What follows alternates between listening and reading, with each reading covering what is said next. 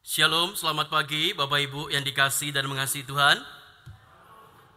Di nama Tuhan ada sukacita hari ini Bapak Ibu. Amin. Kita bersyukur bila Tuhan boleh memanggil kita untuk kita boleh beribadah kepada Tuhan pada hari ini. Dan tiba waktunya buat kita untuk boleh belajar daripada kebenaran firman Tuhan. Mari bersama-sama kita tundukkan kepala kita. Kita hendak membaca kebenaran firman Tuhan. Kita memohon Tuhan menolong kita untuk kita boleh mengerti akan kehendak Tuhan yang akan kita jalankan dalam kehidupan kita. Mari sama-sama kita berdoa.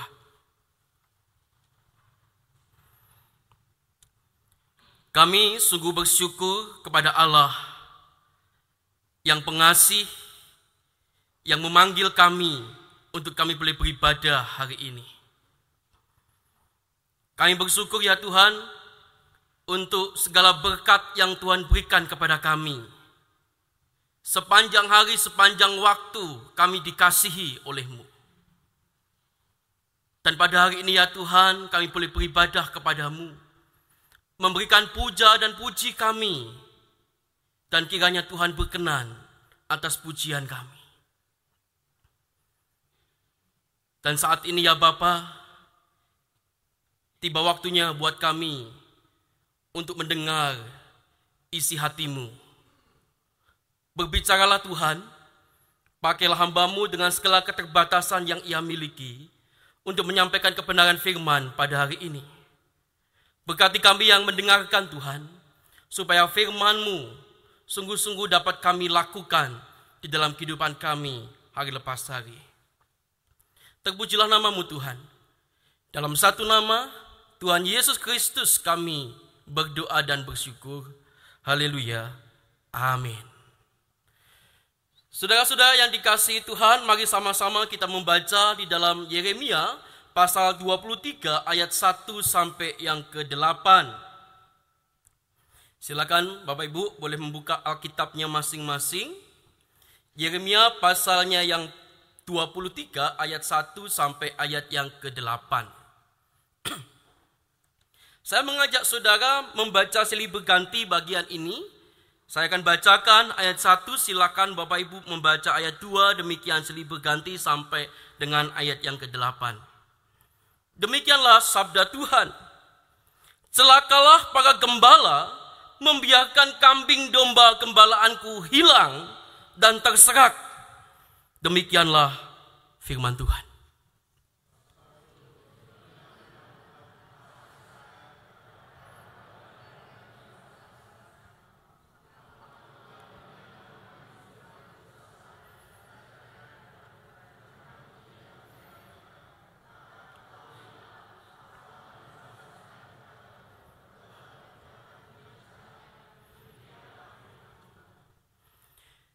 Dan aku sendiri akan mengumpulkan sisa-sisa kambing dombaku dari segala negeri ke mana aku mencerai beraikan mereka. Dan aku akan membawa mereka kembali ke padang mereka.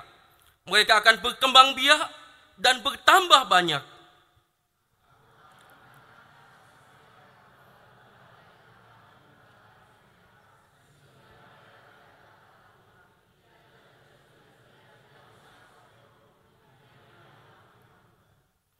Sesungguhnya waktunya akan datang, demikianlah firman Tuhan, bahwa aku akan menumbuhkan tunas adil bagi Daud. Ia akan memerintah sebagai raja yang bijaksana dan akan melakukan keadilan dan kebenaran di negeri.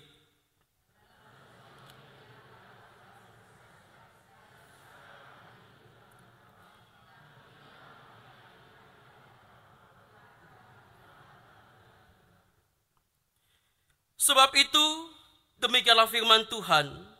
Sesungguhnya, waktunya akan datang bahwa orang tidak lagi mengatakan demi Tuhan yang hidup, yang menuntun orang Israel keluar dari tanah Mesir.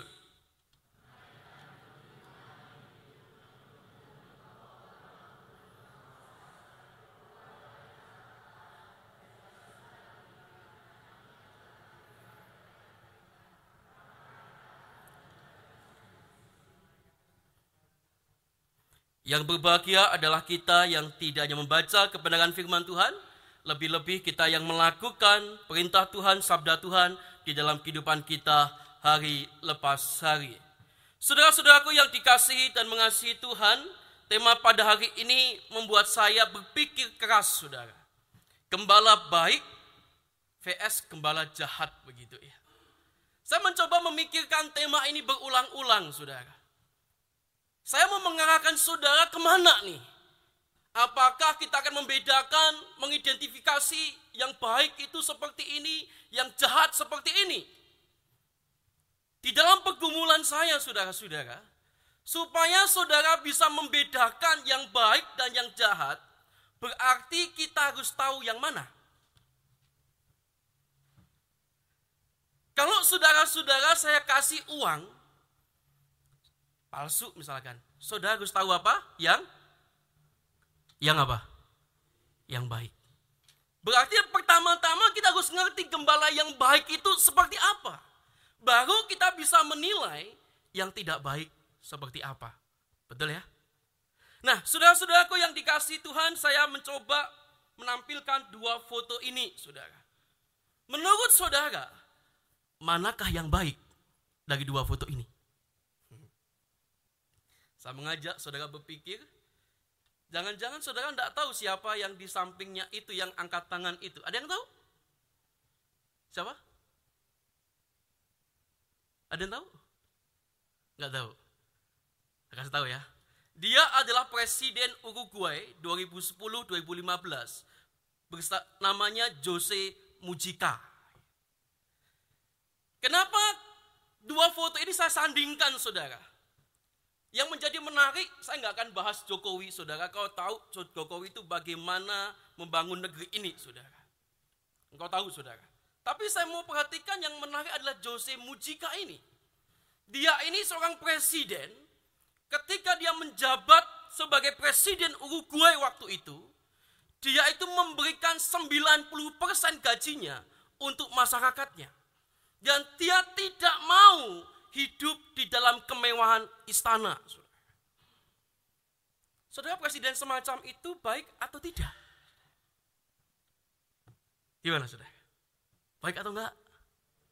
Baik gitu ya. Mungkin standar kita baik itu macam-macam saudara. Kalau sekarang ada yang pro kontra, Jokowi itu baik. Ada yang ngomong, ah, tunggu dulu sekarang kan begitu. Saudara bermacam-macam aspirasi kita untuk menilai kebaikan seseorang. Nah, Alkitab itu memberikan sebuah penjelasan saudara. Kebaikan Allah gambaran kebaikan Allah bersama dengan umatnya itu diletakkan di dalam beberapa gambaran, saudara. Yang pertama, saudara bisa lihat bahwa relasi Allah dan umatnya itu diumpamakan sebagai pengusaha kebun anggur dan para pekerjanya, kalau saudara lihat. Kemudian di sisi lain juga Tuhan menggambarkan relasinya dengan umatnya juga dengan gambaran seorang raja bersama dengan rakyatnya. Tetapi ada satu penggambaran yang sering kali Allah gunakan untuk menggambarkan relasinya dengan umatnya, yaitu gembala dan domba. Minggu lalu kita sudah melihat dan, dan mendengarkan bagaimana penjelasan pendeta Meling tentang Mazmur 23, saudara. Menjadi menarik buat saya adalah kenapa Allah lebih senang menggambarkan dirinya bersama dengan umatnya itu gembala dan domba. Bapak Ibu, saudaraku yang terkasih di dalam nama Tuhan Yesus Kristus. Ketika saya mencoba mempelajari bagian ini Bapak Ibu, saya menemukan alasan kenapa Allah itu menggambarkan relasi dengan umatnya paling banyak dicatat dalam Alkitab itu relasinya seperti gembala dan domba. Karena Allah ingin, saudara. Allah ingin memberitahukan bahwa hubungan kita, umatnya dengan Allah itu adalah sesuatu yang sangat hangat dan sangat intim, saudara. Dan relasi itu Bapak Ibu Saudara, engkau bisa dengarkan minggu yang lalu bagaimana Allah itu membawa gada dan tongkat, saudara. Untuk apa, saudara? Waktu serigala datang, gembala itu pasti memproteksi dombanya karena ada selalu tongkat di tangannya, saudara. Dan gambaran ini, saudara, yang paling sering Allah gunakan untuk menggambarkan hubungannya dengan umatnya, saudara. Bapak Ibu, saudaraku yang dikasih Tuhan, mari sama-sama kita kembali di dalam teks kita, Yeremia 23. Ada apa di sana, saudara? Mazmur 23 kita sudah mendengarkan minggu yang lalu. Nah kali ini saudara, saya mau jelaskan sedikit konteks daripada Yeremia 23 ini saudara. Konteks bacaan kita hari ini itu adalah ketika Yehuda sedang menghadapi kehancuran saudara. Kehancurannya itu disebabkan para gembala, yaitu para imam, raja, dan orang-orang pemimpin pada waktu itu tidak mempedulikan bangsanya. Bangsanya tercerai berai, yowes ben. Silahkan aja begitu. Maka di dalam ayat 3 kalau kita lihat di sana, Allah itu memanggil yang tercerai berai itu untuk kembali kepadanya. Dari situ kita bisa melihat Bapak Ibu Saudara, Allah yang kita sembah itu adalah Allah yang selalu mencari dan mengumpulkan kita, Saudara. Dan di situ ditegaskan di dalam ayat yang ketiga, Yeremia 23. Ia menegaskan bahwa ia sendiri akan mengumpulkan sisa-sisa kambing dan domba. Dan aku akan membawa mereka kembali ke padang mereka. Serta mengangkat gembala-gembala yang mengembalakan mereka, saudara. Bapak Ibu yang dikasihi dan mengasihi Tuhan, tadi saya katakan di dalam ayat yang pertama itu teguran keras dari Allah untuk para gembala. Di dalam ayat yang pertama kita bisa lihat Bapak Ibu, ayat pertama bunyinya langsung tegas di situ menyinggung para gembala, para pemimpin Yehuda pada waktu itu. Selakalah para gembala yang membiarkan kambing domba gembalaanku hilang. Saudaraku yang dikasih Tuhan, para gembala di Yehuda yang dimaksud adalah raja, imam, dan nabi. Dan itu harus bertanggung jawab atas kehancuran Yehuda. Ketika Yehuda menghadapi kehancuran ini, saudara-saudara, Allah itu tidak tinggal diam. Dia mengambil alih posisi gembala pada waktu itu. Dia mengumpulkan sisa-sisa dombanya dan mengangkat pemimpin yang baru demi pembaruan hidup kambing dombanya. Bapak Ibu yang dikasih Tuhan, kenapa Allah melakukan ini, Saudara? Kenapa Allah menginter, mengintervensi pengembalaan umatnya pada waktu itu?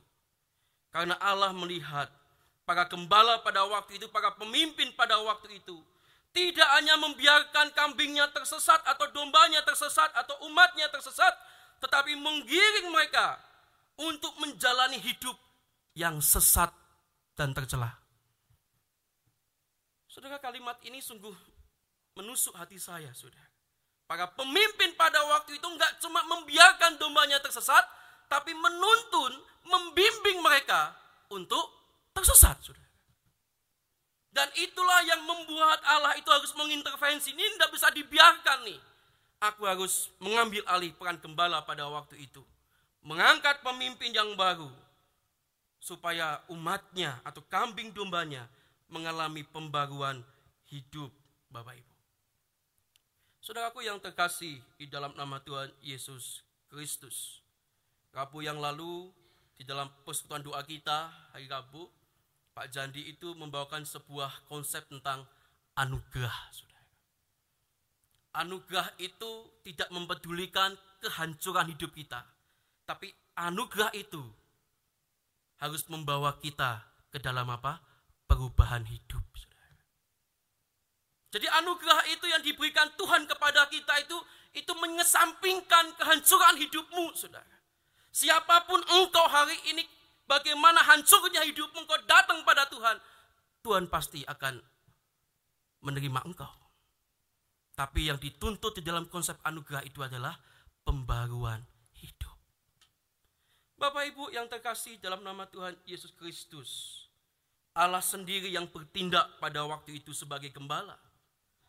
Karena kalau kita baca ayat 1, Para gembala pada waktu itu sudah tidak bisa dipercaya lagi untuk mengurus kambing dombanya atau umat Allah pada waktu itu. Maka saudaraku yang dikasih Tuhan, ketika Allah mengumpulkan kembali sisa kambing dombanya pada waktu itu, yang tuh sudah terserak berai gitu ya, karena tidak dijaga dengan baik oleh para gembala-gembala yang jahat pada waktu itu, setelah terkumpul Bapak Ibu, apa yang dilakukan Allah? Ayat yang keempat. Aku akan mengangkat mereka atas mereka gembala-gembala yang mengembalakan. Saudara menjadi menarik bagian ini saya kasih warna berbeda di situ.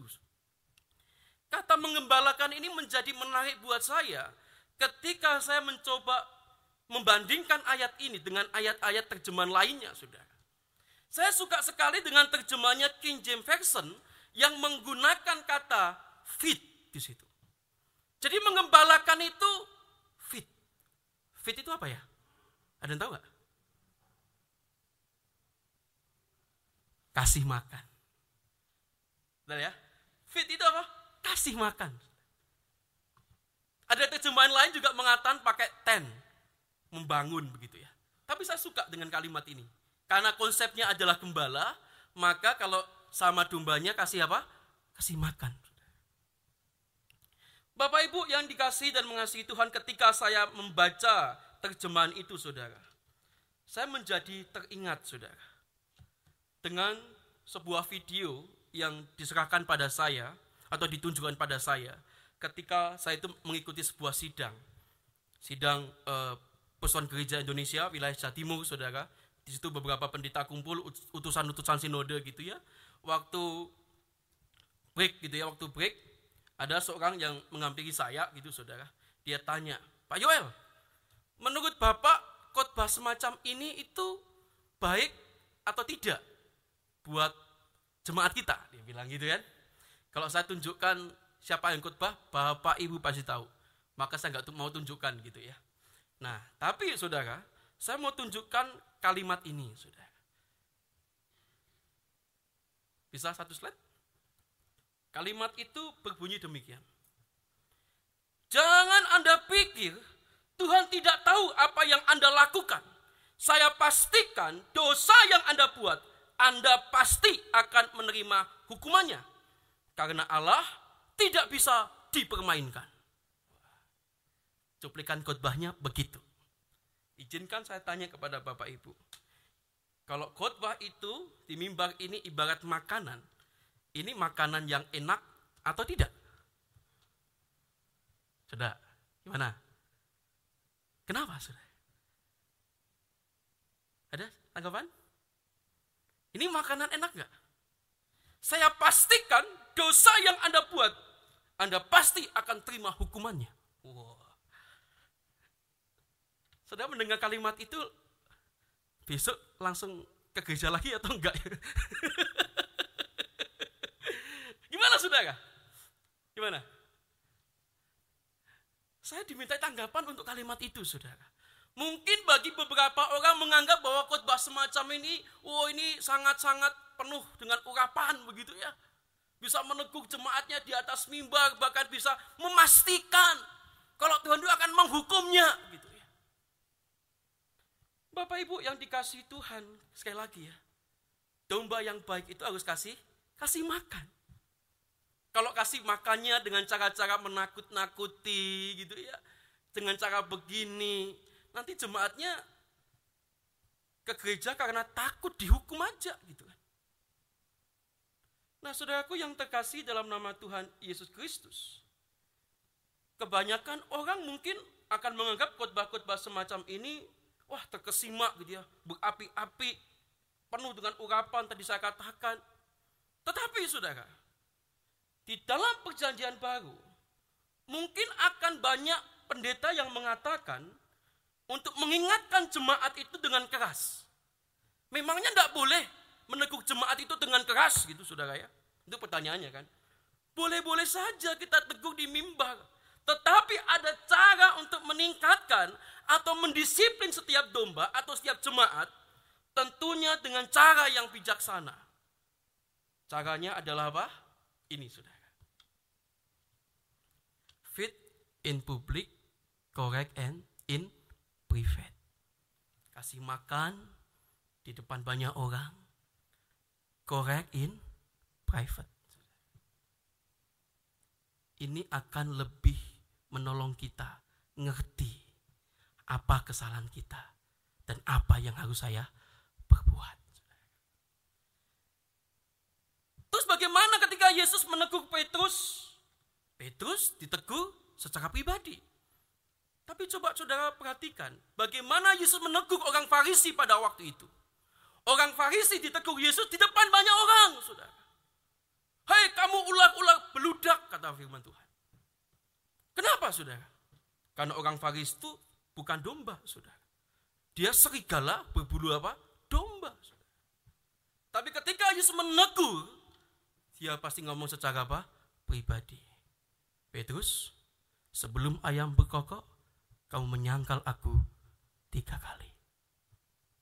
Teguran Yesus kepada siapa? Petrus. Bapak Ibu yang dikasih dan mengasihi Tuhan. Jadi dengan prinsip yang sama saudara, kita percaya juga dan kita juga bisa menerapkan dalam kehidupan kita hari lepas hari saudara. Saya mau katakan begini, mimbar ini saudara, mimbar ini bukan tempat untuk memukul. Mimbar ini bukan tempat untuk menghakimi.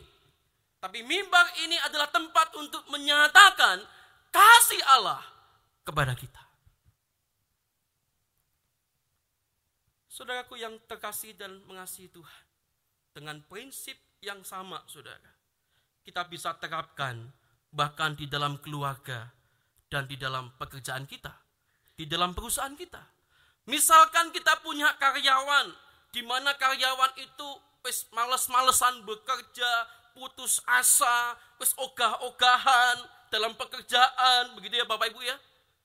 Jangan engkau tegur di depan publik. Tapi apa? Ajak makan. Kasih dia motivasi. Kasih dia pengetahuan apa visi misi pekerjaan kita. Kasih dia tahu mengapa dia ditaruh dalam bagian itu. Bapak Ibu yang dikasih dan mengasihi Tuhan. Ketika kita menghadapi domba-domba yang kurang motivasi, kita perlu motivasi. Ketika kita menghadapi anak-anak kita yang mungkin sulit untuk diatur, kasih dia motivasi. Kasih dia makan enak. Diajak makan keluar. Baru di dikasih tahu. Itu cara terbaik. Saudara tahu enggak? Anak saya itu semakin hari semakin pandai dia itu. Sama siapa pun dia enggak mau. Sama lo Yulia, dia mau saudara. Heran saya. Sungguh Coba teman-teman kalau e, nyapa anak saya, waduh, benar-benar butuh perjuangan begitu. Kenapa sama lo Yulia mau? Karena setiap minggu ada es krim di dia. Ngerti maksud saya sudah? Dia nurut apa pun yang dikatakan Rasulullah. Ayo naik, ke mana gitu ya. Suatu kali kami jalan ke TP, makan gitu saudara ya. Dia nggak mau berpisah dengan mamanya kalau ada mamanya. Sama, sama Rasulullah, ayo naik kita beli. Berdua saudara. Saudara ngerti maksud saya apa? Jadi menegur itu bukan sesuatu yang harus langsung, saudara. Butuh proses. Anak saya sekarang sama lo silap mau diapa-apain dah. Pasti nurut sudah. Karena merasa diterima, merasa dikasihi gitu ya. Karena papanya jarang ngasih es krim kali ya. Saudaraku yang dikasih Tuhan, itulah yang harus kita lakukan dan kerjakan, saudara. Jadi gembala yang baik itu tidak memukul, tidak menghakimi, tapi gembala yang baik itu memberikan apa? Motivate, saudara. Kalaupun harus menegur, dia akan menegur di dalam ruang apa? Private, saudara. Ketika ditegur di dalam ruang private itu, domba itu akan merasa apa? Dihargai. Amin. Bapak Ibu yang dikasihi dan mengasihi Tuhan, demikian juga di dalam pelayanan. Saya mau kasih tahu saudara, ketika Bapak Ibu Saudara melayani Tuhan, bagian apa pun di dalam gereja ini, saya mau kasih tahu kita, goal kita melayani Tuhan adalah pertumbuhan rohani. Ingat baik-baik ya. Goal kita dari pelayanan yang kita lakukan setiap minggu di gereja adalah pertumbuhan kerohanian kita, saudara. Kalau saudara-saudara melayani Tuhan dan saudara tidak bertumbuh, carilah pelayanan yang membuat saudara semangat dan disegarkan. Dan saya mau sampaikan, jangan ragu, saudara, untuk berhenti sejenak di dalam pelayananmu, agar kamu mencapai tujuan Tuhan, serta carilah di mana kehendak Tuhan seharusnya kamu berada. Kalau saudara melayani, melayani terus menerus dan saudara itu merasa tidak bertumbuh, hasilnya akan burn out. Engkau akan pusing sendiri, engkau akan stres sendiri, menghadapi setiap pekerjaan Tuhan yang engkau lakukan. Nah Bapak Ibu yang dikasih dan mengasihi Tuhan, sama seperti dengan seekor binatang, saudara. Binatang itu misalnya sapi gitu ya. Ketika diperas terus susunya, susunya belum keluar, kita kemudian pukul si sapi itu. Hei bandel kamu ya, tidak mau keluar susunya misalkan gitu ya. Tiga minggu ke depan, susunya tetap tidak keluar, saudara. Maka, maka sapi itu bisa permanen, tidak punya apa? Susu. Tetapi saudara, kalau kita memperlakukan dengan cara yang berbeda, kasih makan terus si sapi itu, maka ada saatnya akan keluar hasilnya. Demikian juga dengan domba-domba kita. Demikian juga orang-orang yang kita pimpin, saudara. Kalau kita pecuti terus, ayo kerja, kerja, kerja. Wah, tambah bubrah gitu. Ya. Tapi cobalah kita hargai dia, kita motivate dia. Kita kasih tahu dia, kasih makan yang baik, kasih nasihat yang baik. Pasti dia lambat laut akan bertemu dengan hasilnya. Bapak Ibu yang dikasih dan mengasihi Tuhan, ketika kita mendapatkan gembala yang demikian, gembala yang memberi makan dombanya. Maka domba-domba itu tidak takut lagi kepada gembalanya. Maka domba-domba itu tidak terkejut lagi kalau dombanya gembalanya datang, sudah. Ketika dia dikasih makan Bapak Ibu yang dikasih dan mengasihi Tuhan. Itulah sebabnya, Saudara. Tuhan mengangkat gembala-gembala yang baru untuk umatnya supaya domba-dombanya itu terpelihara. Dengan kata lain, saudara, ketika itu ada di dalam gereja yang betul-betul memberi makan yang baik, makan yang sama, maka tiga hal ini akan terjadi dalam gereja kita. Bapak Ibu yang terkasih dalam nama Tuhan Yesus Kristus. Lalu, apa yang harus kita lakukan sekarang ketika kita membaca Yeremia 23 ini, sudah? Kita sebagai gembala, kita sebagai pemimpin di, di perusahaan, kita sebagai pemimpin keluarga, kita sebagai guru di sekolah, maupun apa pun pekerjaan kita hari ini, saudara. Saya mau kasih tahu saudara, kita pun harus berani dan lebih berani untuk mencari sesama kita yang hilang, saudara. Sesama itu bisa jadi keluarga kita sendiri, Coba cek saudara, anggota keluarga kita. Mari ajak mereka. Kita mulai dari mengajak diri kita sendiri dulu untuk semakin dekat dengan Tuhan. Satu program yang sudah dilakukan gereja kita supaya kita dekat dengan Tuhan. Dengan apa saudara? Satu hari satu pasal. Gak bisa baca, gak ada waktu, dengar.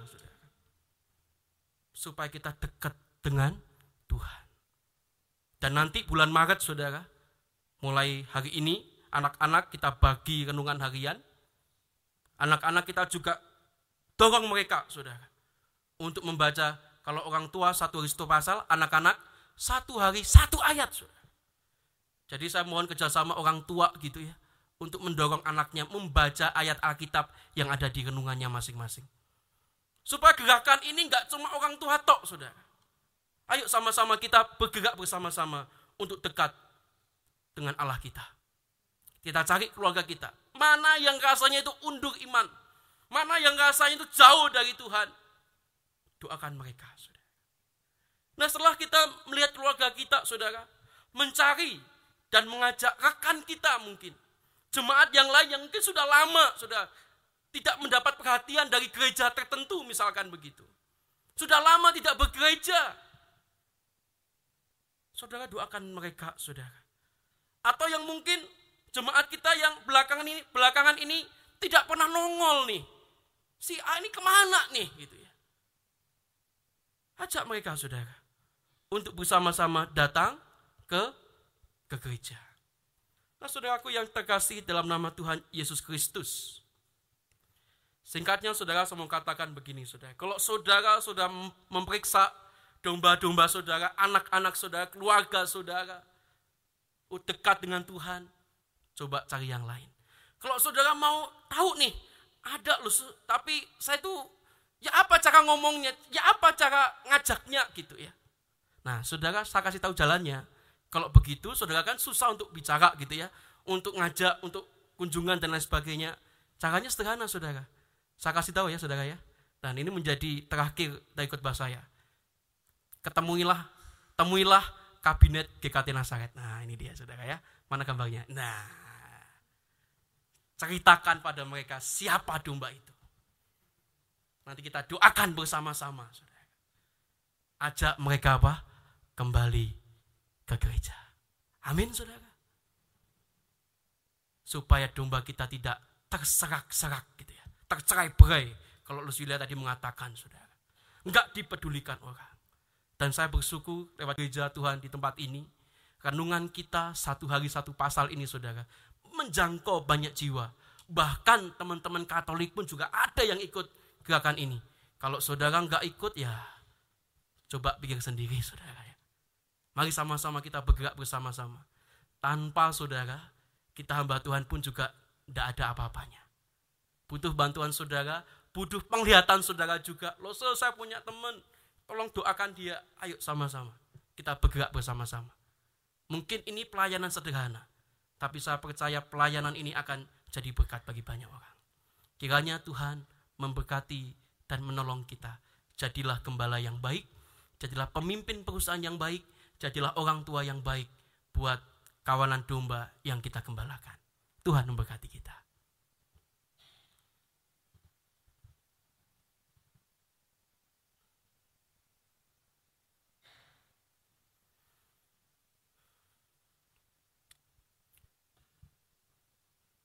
Tuhan, terima kasih. Firman-Mu sudah kami dengarkan hari ini.